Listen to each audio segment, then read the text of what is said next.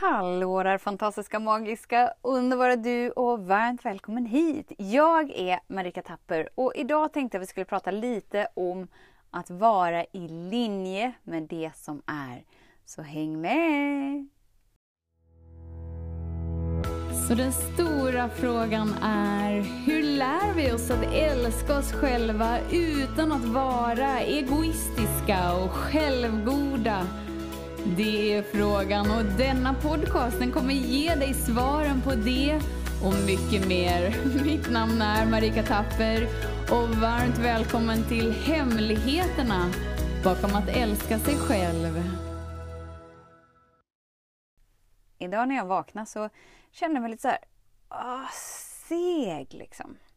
Jag vaknade av att eh, vår hund Selma, halv fem, tyckte att nu är det en bra tid att gå ut trodde jag att det var därför jag vaknade.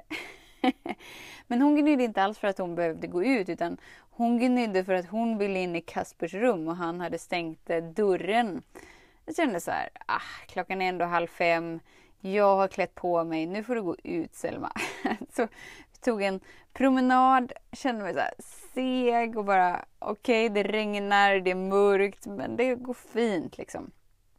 Och sen så var hela morgonen lite så seg. Jag satt och mediterade en timme, körde lite yoga innan barnen vaknade, tog en dusch och sen körde de till skolan.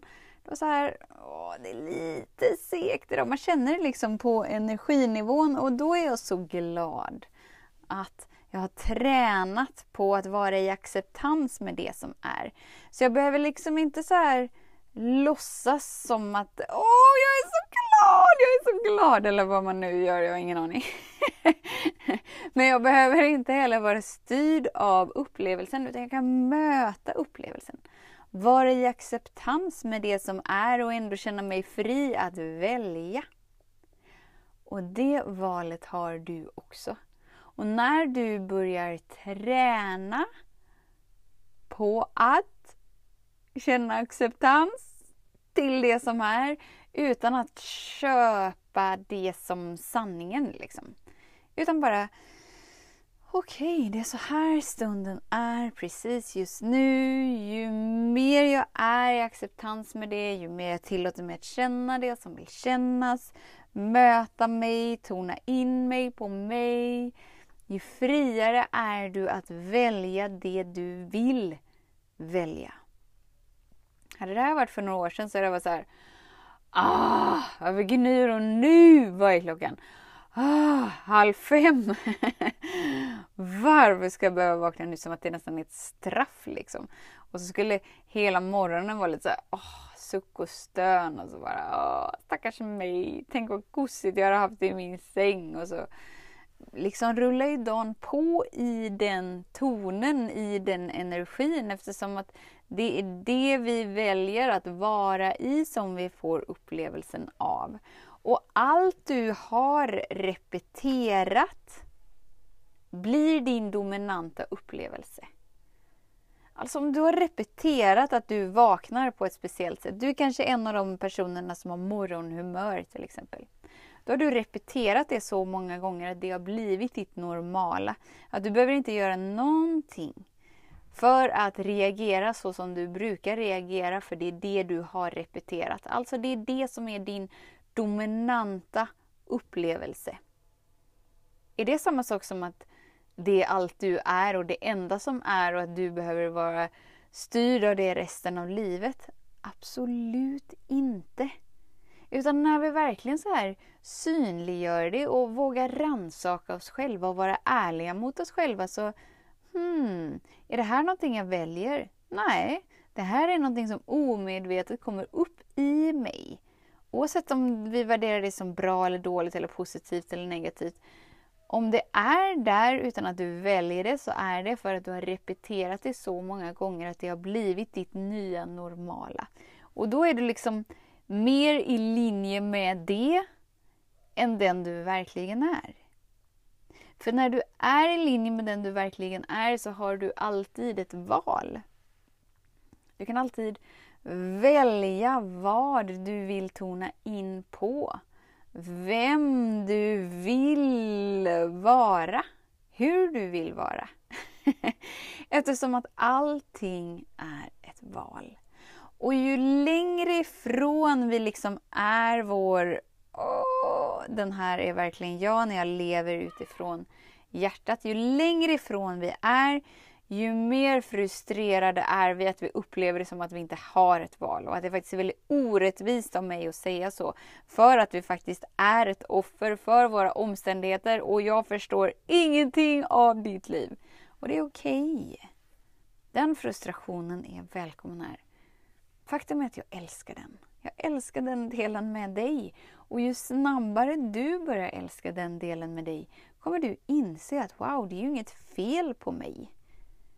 Om det inte är något fel på mig så behöver jag ju inte reagera omedvetet för att försvara mig eller fixa, förändra, göra om något eller någon.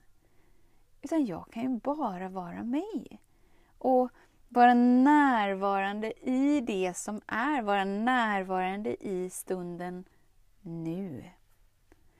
Det blir lite platt oftast när vi pratar om stunden nu. För att det är som att vi inte kan peka på exakt vad det är. Och det är ju för att det är en upplevelse. Det är ingen mental konstruktion.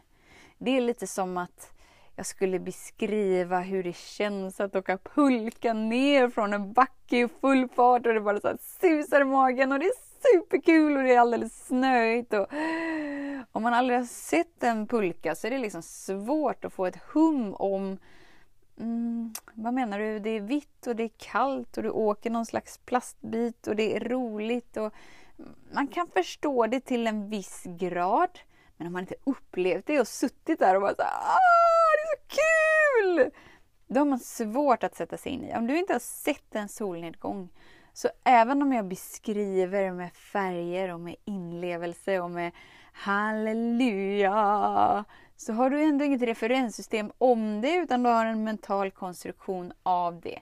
Precis så är det med stunden nu. Om du inte har tillåtit dig att uppleva det så är det inte för att stunden nu inte existerar utan bara helt enkelt för att du inte har tillåtit dig att tona in dig. Tona in dig på det som är precis just nu för du får för dig att det är någonting som är så mycket viktigare. Och det som är viktigare är att återuppehålla din fasad och identitet kring vem du tror att du är så att du kan förbereda dig på framtiden. Du kommer aldrig hitta stunden nu i dåtiden. Du kommer aldrig hitta stunden nu i framtiden. Utan den existerar ju bara här och nu. Och vi kan lätt få en mental bild av det som gör att vi tror att vi har ett hum av vad det är. Men så länge du inte är villig att göra de aktiva valen för att verkligen vara mottaglig till hur det är precis just nu så har du väldigt svårt att liksom falla in och vara i acceptans med det som är. Det gör att du blir väldigt styrd av hur dina omständigheter är utanför dig. Så det innebär att okej, okay, men allt känns bra inom mig så länge livet är så som jag har en föreställning av att det borde vara.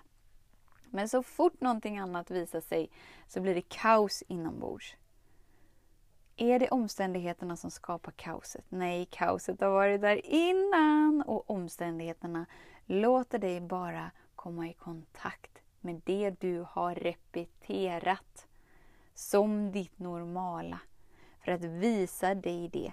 Så att du ska få möjligheten att landa in i stunden nu, kunna välja annorlunda för att få en annorlunda upplevelse. Så att du kan vara i linje med dig. När du är i linje med dig är du i linje med kärlek, lätthet, glädje, expansion och flöde.